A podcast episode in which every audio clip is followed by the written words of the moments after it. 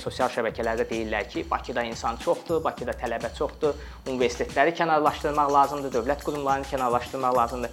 Əslində bu da düzgün yanaşma deyil, çünki bu da hər hansı bir statistikaya, hər hansı bir empirik araşdırmaya əsaslanmayan bir mifdir.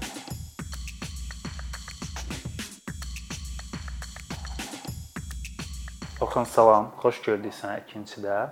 Mən bilirəm ki, sənin araşdırdığın istiqamətlərdən biri nəqliyyat sistemi, ictimai nəqliyyat, ümumiyyətlə şəhərin nəqliyyat infrastrukturudur. Buna görə də elə mən istəyirəm biz söhbətimizi bu istiqamətdə quraq. Məsələn, Azərbaycanda, daha çox da Bakıda bu nəqliyyat problemindən danışanda biz tez-tez bu arqumenti eşidirik ki, şəhərdə maşın çoxdur, Bakıda maşın sayı çoxdur. Bu problemlərin də səbəbi şəhərdə maşın sayının çox olmasıdır. Amma mən məsələn müqayisə üçün digər ölkələrlə avtomobil sayına baxdım. Azərbaycanda hər 100 min nəfərə düşən maşın sayı inkişaf etmiş ölkələrdən təxminən 2-3 dəfə geridir. Hətta nəinki inkişaf etmiş region ölkələrinin də bir çoxundan biz adam başına düşən avtomobil sayına görə geri qalırıq. Bu baxımdan bu şəhərdəki nəqliyyat problemlərinin məhz maşın çoxluğu ilə əlaqələndirilməsi nə qədər doğrudur? Doğrudanmı Bakıda avtomobil sayı çoxdur və bizim nəqliyyatda gördüyümüz problemlərin səbəbi məhz maşınların sayının çox olmasıdır.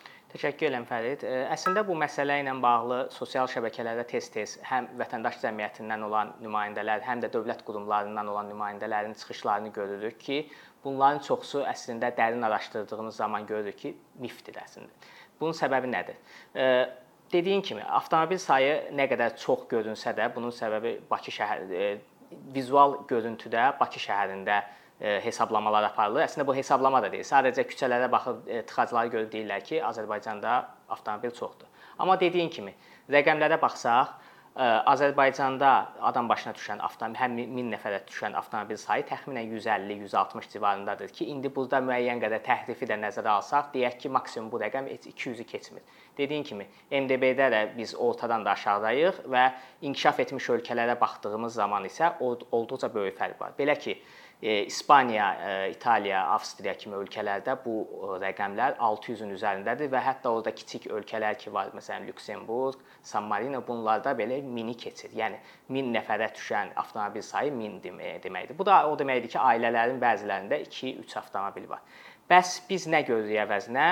Bakı şəhərində avtomobil sayının görüntüdə çox olduğunu görürük. Burada da iki, iki məqam var. Birinci məqam ondan ibarətdir ki, Azərbaycan üzrə avtomobil sayı 1000 nəfərə görə 160 olsa da, Bakı və regionların inkişaf baxımından arasındakı uçurum çox böyük olduğuna görə biz deyə bilmərik ki, Bakıdakı olan rəqəm 160-a yaxındır. Bunu biz təxmini belə kobud bir ölçü ilə götürsək, 3 dəfə, 2.5 3 dəfə Bakıda regionlardan daha çoxdur. Məsələn, deyək ki, hansısa bir regionda Azərbaycanda 1000 nəfərə düşən avtomobil sayı 50, 60, 70 ola bilər və Bakıda isə bu göstərici 350, 400, deyək ki, e, qeyri-rəsmi olanları da nəzərə alsaq və taksi nəqliyyatını bu 500-ə yaxınlaşır. Yenə də bu rəqəm ən yuxarı, ən pozitiv ssenaridə Avropa ortalamasına gəlib çıxır. Amma biz e, hamımız, yəni böyük əksəriyyətimiz Avropa şəhərlərinə getdiyimiz zaman, xüsusən də 1 milyondan çox əhalisi olan şəhərlərdə Bakıdakı qədər belə deyək, tıxac və yaxud da avtomobil sıxlığı görmürük. Deməli, bundan buradan bir nəticəyə gəlirik ki, avtomobil sıxlığı ilə bağlı olan məsələ əslində mifdir. Problemi başqa yerlərdə axtarmaq lazımdır. İkinci bir məsələni də burada vurğulamaq istəyirəm. Bir çox, yəni özün də görsən, sosial şəbəkələrdə deyirlər ki, Bakıda insan çoxdur, Bakıda tələbə çoxdur, universitetləri kənarlaşdırmaq lazımdır, dövlət qurumlarını kənarlaşdırmaq lazımdır. Əslində bu da düzgün yanaşma deyil, çünki bu da hər hansı bir statistikaya, hər hansı bir empirik araşdırmaya əsaslanmayan bir mifdir. Yəni bu bunun üzərində də araşdırma etsək görərik ki, problem əhalinin çoxluğu deyil. Çünki əhalinin e, daha bizdən daha çox olan şəhərlər ki var. Məsələn, bunu misal göstərə bilərik. Tokioda dəhşətli dərəcədə, yəni böyük bir fərq var. 20 milyondan çox insan yaşayır, amma oranın da tıxac e, problemi Bakıdan daha azdır. Yəni daha az aktualdır. Bəli, sənin dediyin kimi bu qərarların qəbulunda əslində datalara çıxış imkanı çox vacibdir. Bizdə bu şəhərlər e, üzərində hesablamanı çətinləşdirən bir məqamda əslində Bakıda reallıqda nə qədər adamın yaşamağını bilməməyimizdir. Çünki rəsmi rəqəmlərə görə 2.3 milyon təxminən Bakıda adam var, amma müxtəlif alternativ hesablamalar var. Burada bu 3 milyon, 4 milyona yaxın rəqəmdən söhbət gedir. Bəs bu da özü bir ayrıca problemdir ki, bizim əlimizdə güvənilən datalar yoxdur ki, bu tədqiqatları aparaq. Bu avtomobil ümumiyyətlə nəqliyyat məsələsinə bağlı bir maraqlı məqam da var ki, illərdir demək olar bir axtarış içindədir müvafiq orqanlar Azərbaycanda ki, daimi olaraq biz yeni eksperimentlərin şahidi oluruq və daimi olaraq eşidirik ki, tıxac problemi aradan qalxacaq, amma bir dayanıqlı həll görmürük.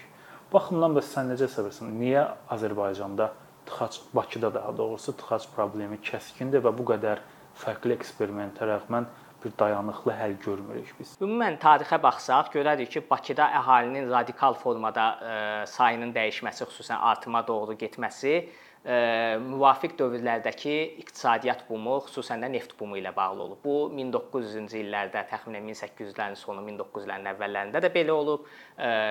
Şəhərdən kənardan insanlar işləməyə gəlib, hətta ölkədən kənardan insanlar işləməyə gəlib və şəhərin böyüməsinə şərait yaradıb. Amma problem ondan ibarətdir ki, həm o dövrdə, həm 2005-ci ildən sonra neft bumu başlayanda və pullar belə deyək, resurslar Bakıya doğru gəlməyə başladığı zaman bu böyümə sağlam getmədi. Sağlam böyümə deyəndə nəyi nəzərdə tuturam? Deməli, horizontal üfüqi böyümə var, bir də şaquli böyümə var ki, şaquli böyümə daha çox şəhərin planlaşdırılması ilə bağlı olan məsələdir. Biz isə Bakıda hansı tendensiyanı gördük? Mövcud kvartallarda, yaşayış kvartallarında belə deyək, məsələn 4 mərtəbəli binanın və yaxud 5 mərtəbəli binanın ə, əhali sayını üçün nəzərdə tutulmuş küçələrdə, məhəllələrdə qurulmuş infrastrukturun yerində 16-20 mərtəbəli binalar tikildi və bundan da əlavə olaraq şəhərdən kənardakı suburbanizasiya dediyimiz proses də çox qeyri-sağlam formada getdi və xaotik məhəllələr, o getto dediyimiz ona bənzər məhəllələr yarandı. Bütün bunların əslində e, bu formada getməsi fonunda nəqliyyat inkişafı e, düzgün getmədi və 2007-dən sonra qəbul edilmiş qərarlar, xüsusən Bakıda artıq avtomobil sayının artması, insanların sosial e, rifahının biraz yüksəlməsi fonunda sıxlıq müəyyən qədər başladı ki, biz məsələn köhnə televizor yayımlarında, qəzet xəbərlərində bunu görə bilərik. İlk tıxaclar təxminən 2005, 2006, 2007-də başladı bu dövlət qurumları bunun həllini avtomobil yollarının genişləndirilməsində gördülər ki, biz bu bu e, tendensiyada nəyi gördük? Heydər Əliyev prospektindəki e, yaşıllıqlar zolağı söküldü, e, yol şəbəkəsi genişləndirildi, zolaq sayı artırıldı. Bunu həm də Yusif Səfərov küçəsində gördük, digər küçələrdə gördük və bu proses hansı formada gedirdi? Səkilərin və yaşıllıq ictimai zonaların azaldılması hesabına belə deyək, onların məhv edilməsi hesabına yollar genişləndirildi. Amma bu nəticə olaraq hal-hazırda görürük ki, bu heç bir problemi həll etmədi və bir neçə il əvvəl, bir 10 il əvvəl genişləndirilmiş yollarda da hal-hazırda Bakının ən böyük günlük tıxacları müşahidə olunur. Və bu o deməkdir ki, yolların genişləndirilməsi ideyası ümumiyyətlə səhvdir və bu dayanıqlı nəqliyyat strategiyasına xidmət eləmir. Ən azından bunu biz 60-cı illərdə Avropada bu səhvi görmüşdük və Avropa dövlətləri bu səhvi öncədən 70-lərdə, 80-lərdə görərək bu strategiyanı tamamilə rəfə qoydular və dayanıqlı mobillik üzərində işləməyə başladılar ki, onun nəticəsini biz Hollandiyada, Belçikada, Lüksemburqda və digər ölkələrdə hazırda görürük. Bu nəqliyyat sisteminin ən vacib halqalarından biri də məncə ictimai nəqliyyatdır. Çünki birbaşa olaraq insanların həyat keyfiyyətinə təsir imkanları var, amma biz Azərbaycanda da ictimai nəqliyyatdan istifadə edən sərnişinlərin bir o qədər razı olduğunu deyə bilmərik. Yəni tez-tez sosial şəbəkələrdə və sair bununla bağlı narazılıqlar bildirilir. Bunun səbəbləri mənə maraqlıdır ki, niyə Azərbaycanda ictimai nəqliyyat həm sərnişinlər üçün narahatlıq verir, həm də niyə sürücülər üçün belə deyək, cazibədar deyil. Çünki belə sənin qeyd etdiyin Avropa ölkələrinin əksəriyyətini biz təcrübəsinə görürük ki, hətta maşını olan şəxslər belə müəyyən yerlərə ictimai nəqliyyatla rahatlıqla gedə bilirlər. Amma Azərbaycanda mən çox az halda təsəvvür edə bilərəm ki, şəxsi nəqliyyat vasitəsi olan bir şəxs onu evə qoyaraq ictimai nəqliyyatı istifadə etsin. Niyə bizim ictimai nəqliyyatımız cəlbedici deyil insanlar üçün? Hı -hı. Ümumiyyətlə e, trafik axınını araşdırdığımız zaman e, biz əsas nə hansı məqama diqqət eləyirik? İnsanların ən çox yolda olduğu və yoldan, yəni ictimai yoldan, ictimai nəqliyyat hissəsindən hansı ki, buna yollarımız, səkilərimiz daxildir. İstifadə elədiyi dövr və funksiya ingiliscə commuting dediyimiz, yəni işə gediş, işdən dönüş olan bir hissədir ki, yəni Azərbaycanda da əksər insan adətən yola bu məqsədlə çıxır. Bu məqsədlə Avropada, yəni commuting üçün müəyyən alternativlər qurulub ki, insanların avtomobili olmasına baxmayaraq o commuting vaxtı alternativ nəqliyyat vasitələrindən istifadə edib. Əslində buna alternativ demək də düzgün deyil, çünki artıq orada alternativ avtomobil olub. Yəni əsas nəqliyyat vasitələri commuting üçün avtobuslar, trolleybuslar, qatarlar, bu yerüstü də ola bilər, metro da ola bilər, yüngül reysli də ola bilər. Bu kimi nəqliyyat vasitələridir ki, Avropa əhalisinin dediyimiz kimi bayaq rəqəmlərdə avtomobil sayı adam başına çox düşməsinə baxmayaraq onlar e, e, işə getmək və işdən gəldiyi zaman ictimai nəqliyyatdan istifadə etməyə üstünlük verirlər ki, şəxsi avtomobilləriniz əksər hallarda işdən kənar vaxtı belə deyək, alış-verişdə ağır məhsullar daşıdıqları zaman və yaxud e, şəhərdən kənara çıxdıqları zaman rekreasiya məqsədi ilə istifadə edirlər və bu da hansı nəticəyə gətirib çıxardır? Əslində insanların əlinin altında olan, parkinqlərində olan nəqliyyat vasitələri günün çox böyük əksər hissəsində yolda olmurlar və yollar yalnız ictimai nəqliyyat üçün olur və bu da e, belə deyək, o əslində bunlar bir-biri ilə korrelyasiyalıdır. İctimai nəqliyyatın vaxtında mənzil başına çatmasına gətirib çıxardır. Çünki ictimai nəqliyyat özü tıxaca düşmür. Azərbaycanda e, bu həm bu problemi görürük ki, e, belə deyək, ictimai nəqliyyat e, yaxşı bir alternativ vermir sürücülərə. Çünki düşünün ki, şəhərdən kənarda yaşayan bir insandır və bunun avtomobili var. Bu insan əslində istəyər ki, tutaq ki, hansısa bir qəsəbədə, Bakı kəndində, Buzovnada e, istəyər ki, idealda o avtomobili ilə evindən çıxsın, gəlsin Buzovna stansiyasında, orada gözəl bir parkinq şəraiti olsun ona və ödənişi ya çox ə, e, aşağı ödənişli olsun və yaxud da çox pulsuz olsun. O avtomobilini orada qoysun, qatara minsin və şəhər mərkəzinə gəlsin. Bu ə, e, ideal, ə, yəni hal-hazırdakı, təbii ki, ideal bir şey yoxdur. Amma ən yaxşı e, belə metodlardan biri sayılır ki, Avropada, e, Avstraliyada, Kanadada bu metodikadan istifadə olunur. Azərbaycanda isə bu metodikaya həm e, şərait yoxdur, həm də dövlət qurumları çox da bunun üzərinə getmirlər deyə insanlar məcbur qalırlar ki, şəhərdə uzaq şəhərdən uzaqda qalanlar gəlib Bakının mərkəzindəki trafikə qoşulsunlar və tıxaclara əslində bir növ şərait yaratsınlar. İkinci məsələ ondan ibarətdir ki, e, həm dediyim kimi şəhərdən kənarda, həm şəhərin içərisində e, həm avtomobili olanlar, həm avtomobili olmayanlar üçün e, verilən alternativ nəqliyyat insanları qane etmir. Bu e, həm keyfiyyətdə özünü göstərir, həm say azlığında, həm də e, müvafiq məntəqəyə vaxtında çat çatmamaqda. Yəni insanlar düşünür ki, 30 e, qəpik ictimai nəqliyyata ver verdikcə, ondansa ya ucuz bir avtomobil alaram, köhnə bir avtomobil və yaxud da ki, hal-hazırda çiçəklənən o taksi biznesindən, yəni sharing car biznesindən istifadə edərək çox münasib qiymətə kiçik bir fərqlə məntəqəyə gedib çataram. Amma bu düşüncə artıq özü gətirib tıxaclara zəmin yaradır.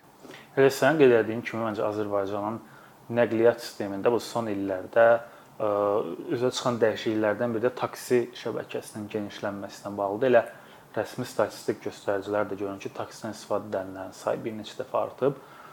Bunun özü maraqlı bir fenomendir. Mən burada həm o taksi şirkətlərini nəzərdə tuturam, həm də çox geniş sayda və məncə artıq Azərbaycanda yeni bir nəqliyyat növü bu manatlıq taksi dediyimiz taksilər və ya sprinterlər var ki, şəhərin müxtəlif bölgələrindən insanları yığaraq şəhər mərkəzinə və digər istiqamətə gedir. Bu fenomen Azərbaycan nəqliyyat sistemi üçün hansı çağırışları ortaya çıxarır və bu prosesi biz necə yaxşı hala sala bilərik və ümumiyyətlə bu özü yaxşı bir tendensiyadırmı?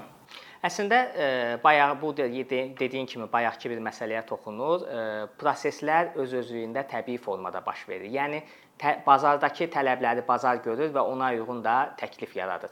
Bu tələblər nədən doğub? 2015-dən bəri, e, məsələn 2015 də deməzdim, hətta 2007-dən bəri əhalinin sayının artımına uyğun olaraq ictimai nəqliyyatın belə deyək, xidmət artımı əhalinin artımına uyğun formada getməyib. Məsələn, baxa bilərik əsas da metro stansiyalarının sayına. Belə deyək, 67-ci ildə metro stansiyaları tikildiyi zaman 90-cı illərə qədər olan, yəni müstəqilliyə qədər olan met tikilmiş metro stansiyaları sayı 90-cı ildən 2022-yə qədər tikilmiş olan metro stansiyalarının sayından çoxdur. Halbuki əsas baxsaq görərik ki, Bakının əhali artımının çox böyük hissəsi, yəni əhali artımının statistikası, dinamikası daha çox 2000-lərin ortalarından başlayıb hələ də davam etməkdədir. Yəni buna uyğun olaraq stansiyaların tikintisini biz bu illərdə görmədik. Avtobusla bağlı vəziyyət də təxmini bu vəziyyətdədir. Biz nəinki yeni marşrut xətlərinin artımını görmürük, Hətta mən deyərdim ki, 2010-ların əvvəllərində mövcud avtobus xətləri hansı ki, bəzi avtobuslar özləri standartlara cavab vermədiyi üçün xətlər xətlərdən çıxarıldı və xətlər ləğv edildi, amma onun əvəzinə alternativlər yaradılmadı. Və bütün bunlar insanların daha fərqli alternativ axtarışına gətirib çıxardı. Çünki heç kəs istəməz ki, xüsusən də Bakının kənar belə də periferiyasında yaşayan insanlar istəməzlər ki, saatlarla avtobus gözləsinlər və gözlədikdən sonra da 1 saat, 1.5 saat ərzində ayaq üstə çox diskomfort şəraitdə lazımi məntəqəyə getsinlər. Onun əvəzinə isə biraz artıq, məsələn, mövcud qiymətlərdən 50 qəpik, 60 qəpik artıq verib o sən dediyin manatlıq taksi sisteminə qoşulub müvafiq məntəqəyə dayanmadan, dayanacaqdan istifadə etmədən ekspres formada çatmağı üstünlüyü tuturlar. Amma hər kəs belə deyək, bu biraz da oyun teoriyasinə bənzəyir. Hər kəs öz rahatlığını istifadə edəndə artıq ümumi olaraq cəmiyyətin rahatlığı azalır və nəticə olaraq indiki xaotik vəziyyətə gətirib çıxardır. İkinci bir məsələ isə bu taksi biz bir məsələsinin inkişafı isə ölkədə olan bu sahədə kifayət qədər liberallaşma ilə bağlıdır ki, bu sahədə dövlətin belə deyək, təsir mexanizmləri çox azdır və özü də bu məsələlərdə təsir etmək istəmir ki, həm qiymətlər aşağı qalsın, həm də taksi sahəsi öz-özlüyündə iş yaradan bir mexanizmdir ki, bu da sosial, yəni sosial bir məsələdir və ona görə də bu sahəni radikal dəyişdirib belə deyək, kökünü kəsmək istəmirlər. Amma Bu da nəyə gətirib çıxardır? Düzdür, dediyin kimi iş mühiti yaranır, e, bəzi insanlar işsizlər bu sahədə işləyir, amma e, qlobal şirkətlərin bazara girməsi və bu bu formada biz gördüyümüz dempinq, hansı ki, yerli şirkətlər bəzən sosial şəbəkələrdə görürsən ki, onlar da daha çox şikayət edirlər. Onların yürütdüyü dempinq strategiyası qiymətlərin çox aşağı düşməsinə və onsuz da büdrəyən ictimai nəqliyyatın sıradan çıxmasına səbəb olur və insanlar artıq taksini bir nömrəli commuting, yəni e, səyahət bir vasitəsi olaraq görürlər və nəticə də göz qabağındadır. Siz e, avtobusla bağlı çox maraqlı bir məqama toxundun. Bu marşrutların ləğv edilməsi ilə bağlı. Ləğv edilənlərdən əlavə, hətta mən öz yaşadığım ərazinin təcrübəsindən bilirəm. E, təxminən 4-5 il öncəyə qədər mənim yaşadığım ərazidən Bakının demək olar ki, bütün hissələrinə birbaşa marşrut xəttləri var idi. Amma indi onların hər birinin marşrut xətti 28 maya qədərdir. Və bu nəyə səbəb olur? İnsanlar məcbur ikinci bir nəqliyyat vasitəsinə bilir. Və bu baxımdan mən düşünürəm ki, son illərdə bəlkə Azərbaycanda e, ictimai nəqliyyatın qiyməti artmayıb, amma insanların xərcləri artıb çünki əvvəl bir nəqliyyat vasitəsi ilə gedə biləcəyimiz yerə artıq bir avtobusdan düşüb digər avtobusa və yaxud da metroya minməyə məcbur qalırıq. Bəli, xərclər bu baxımdan əslində artıb. Bu nəqliyyat sisteminin ən vacib halqalarından biri də məncə piyadalardır. Piyadaların şəhərdə hərəkəti özü bunun üçün yaxşı infrastruktur olsa, bəlkə də nəqliyyatdakı yükün azalmasını da gətirib çıxara bilər. Baxımdan mənə sənin fikrin maraqlıdır ki, Bakı nəqliyyat sistemi və yaxud infrastrukturu sərnişinlər üçün, piyadalar üçün nə qədər əlverişlidir və bunu əlverişli, daha da əlverişli etmək üçün biz nə edə bilərik? Biz tez-tez e, dünya statistikalarına baxanda, xüsusən də The Economics-in hər il çap etdiyi və e, paylaşdığı dünyanın ən yaşanılancı şəhərlər siyahısı olur. Biz ora nəzər baxdığınız zaman biz orada hansı şəhərləri görürük əksər hallarda? Avstraliyadan minimum 3 şəhəri görürük, e, Avstriya, İsveçrədən və Kanadadan müəyyən şəhərləri görürük. Bu şəhərləri araşdırdığımız zaman buradakı yaşayışın yüksək olma e, belə deyək, göstəriciləri əslində təkcə oradakı rifahdan doğan məsələ deyil. Oradakı nəqliyyat e, infrastrukturunun insanlara necə təsir etməsi də bu rəqəmlərə təsir göstərir. Məsələn, e, mən e, özüm Avstraliyada təhsil almışam. Oranın şəhərlərinin nəqliyyat sistemi mənə olduqca maraqlı gəlirdi. Avstraliyanın şəhərlərindən ən böyük ikinci şəhər olan Melbourne deyərdim ki, əhali sayı Bakı ilə demək olar eynidir. Melbourne belə deyək, şəhər bələdiyyəsinin bir strategiyası var idi. Piyada hər bir e, ictimai obyektə, ictimai yaşayış obyektinə 15 dəqiqə çatma e, təminatı vermək. Yəni e, şəhər mühiti elə qurulmalı idi ki, hər bir şəhərin hər bir nöqtəsində yaşayan insan evdən çıxıb piyada kitabxanaya, e, yanğın söndürmə mərkəzinə, xəstəxanaya, e, bələdiyyə mərkəzinə və ya digər qurumlara 15 dəqiqə piyada məsafə, maksimum 15 dəqiqə piyada məsafəsi getməklə öz işini görüb qayıda bilər. Bu artıq özlü özü özlüyündə insanların piyada ə, e, gəzməyinə motivasiya verən bir məsələdir. Çünki nəqliyyat ə, e, onsuz da biz görmüşük ki, ictimai nəqliyyat ə, e, inkişaf etmiş ölkələrdə elə də ucuz deyil, xüsusən bizlə bizimlə müqayisədə bahadır və ə, gəzinti və yaxud da ki, ə, mexaniki nəqliyyat vasitələrindən istifadə etmək, vel velosiped və ya digər skuterlər müəyyən qədər həm də sağlamlıqdır. İnsanların artıq motivasiyası olduğu zaman və diskomfort yaratmadığı zaman insanlar avtomobillərdən imtina edir. Hətta ictimai nəqliyyatdan da çox istifadə etmirlər. Çünki e, gəzmək üçün və gəzinti ilə işlərini görmək üçün şərait olur. E, bu formada e, artıq bu da özü şəhərin mobilliyinə gətirib çıxardır. İkinci məsələ nədən ibarətdir? Bakı Bakı müəyyən qədər bu məsələdə kafi hesab etmək olar. Əslində Bakının mərkəzində yaşayırıqsa, gəzməklə 15-20 dəqiqə gəzinti ilə bir çox yerə gedib çıxmaq olar. Yəni bu da Sovet dövründə əslində Bakının yaxşı planlaşmış bir şəhər olduğunu göstərir. Təbii ki, periferiyaları kənara qoyuram, amma digər bir problemi görürük. Bakıda səkilərlə bağlı vəziyyət açığı mən deyərdim, nəinki kafi deyil, hətta acınacaqlı vəziyyətdədir. Bunun da səbəbi nədən ibarətdir? Yeni tikilən binalarda, yeni tikilən obyektlərdə heç bir standartlaşma qoyulmur. Yəni onlara heç bir tələb qoyulmur ki, sən binanı tikdiyin zaman, sən obyekti tikdiyin zaman səkinin hansı standartları olmalıdır? Səki hansı üzlüklə örtülməlidir? Səkinin yolla kəsişdiyi zaman hansı bir formada bir baryermi deyək və yaxud orada keçidmi deyək, bunlar olmalıdır və hər bir binaya baxdığımız zaman özü istədiyi formada ya səkiləri kobud formada inşa edir, ya ümumiyyətlə səki inşa olunmur, xaotik bir şey yaranır. Xüsusən də gəlir qazanmağa meylli olan bina sahibləri səkiləri kəsərək onun üzərində avtomobil parkinq məntəqəsi edir ki, oradakı obyektlər daha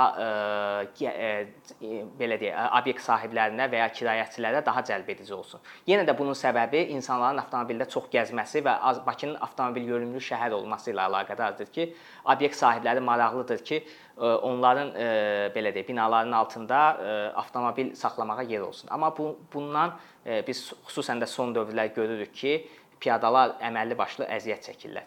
Digər məqam ondan ibarətdir ki, bu da əslində biraz da Sovet dövründən başlamış bir səhvdir.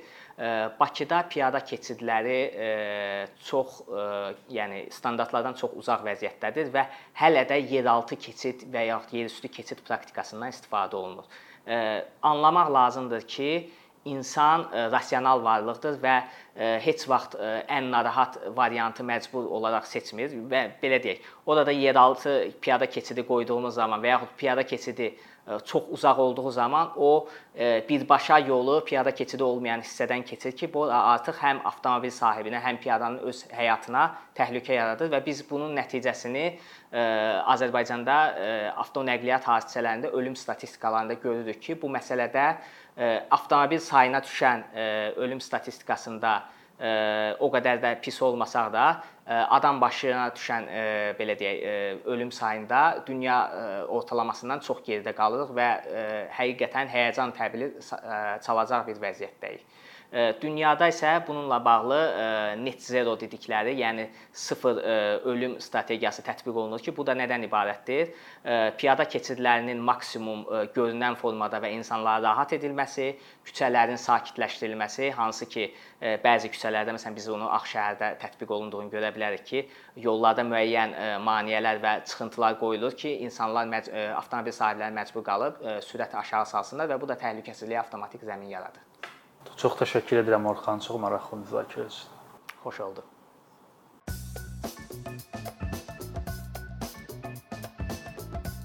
Bir neçə ildir ki, əkinçi olaraq Azərbaycanlı izləyicilərin hər zaman faydalana biləcəyi keyfiyyətli və ən əsas ödənişsiz kontent hazırlamağa çalışırıq. İndiyədək təqdim etdiyimiz onlarla animasiya və yüzlərlə çəkilişlər tələbələrin, mütəxəssislərin, müəllimlərin və ümumiyyətlə yeni mövzulardan xəbərdar olmaq istəyən çox sayda insanın marağına səbəb olub.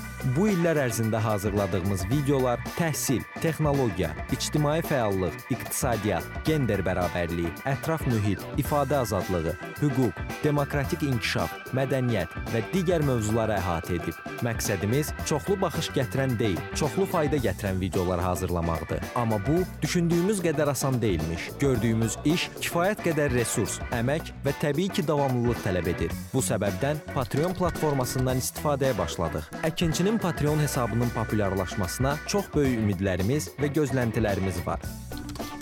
Bəziləriniz Patreon haqqında ilk dəfə eşidirsiniz. Əslində çox sadə izahı olan bir platformadır. Təsəvvür edin ki, siz rəssam və ya musiqiçisiniz. Sosial şəbəkələrdə sizi izləyən, işinizi bəyənən çox sayda insan var. Patreon platforması sizə imkan verir ki, izləyicilərinizin könüllü aylıq ödənişləri sayəsində işinizi davam etdirəsiniz. Sərgi, konsert zallarından asılı qalmayasınız. Amma bu təkcə rəssam və musiqiçilərə aid deyil. Məsələn, əkinçiyə bənzər fəaliyyətlə məşğul olan bəzi layihələrin 10 minlərlə patronu var. Biz də düşündük ki, nə üçün əkinçinin Patreon hesabı olmasın? Sizin dəstəyiniz sayəsində biz daha çox və daha keyfiyyətli kontent yaratmağa davam edə biləcəyik. Amma bu dəstək yalnız maddi dəstək deyil. Dəstəkçilərimizin sayının artması gördüyümüz işlərin faydalı olduğuna dair əminlik verir. Patreon platformasından istifadə çox sadədir. Hesabınızı açırsınız, sizə uyğun dəstək növünü seçirsiniz və Patreon özü hər ayın ilk günü kartınızdan seçdiyiniz dəstək növünə uyğun ödəniş tutur. Bu qədər.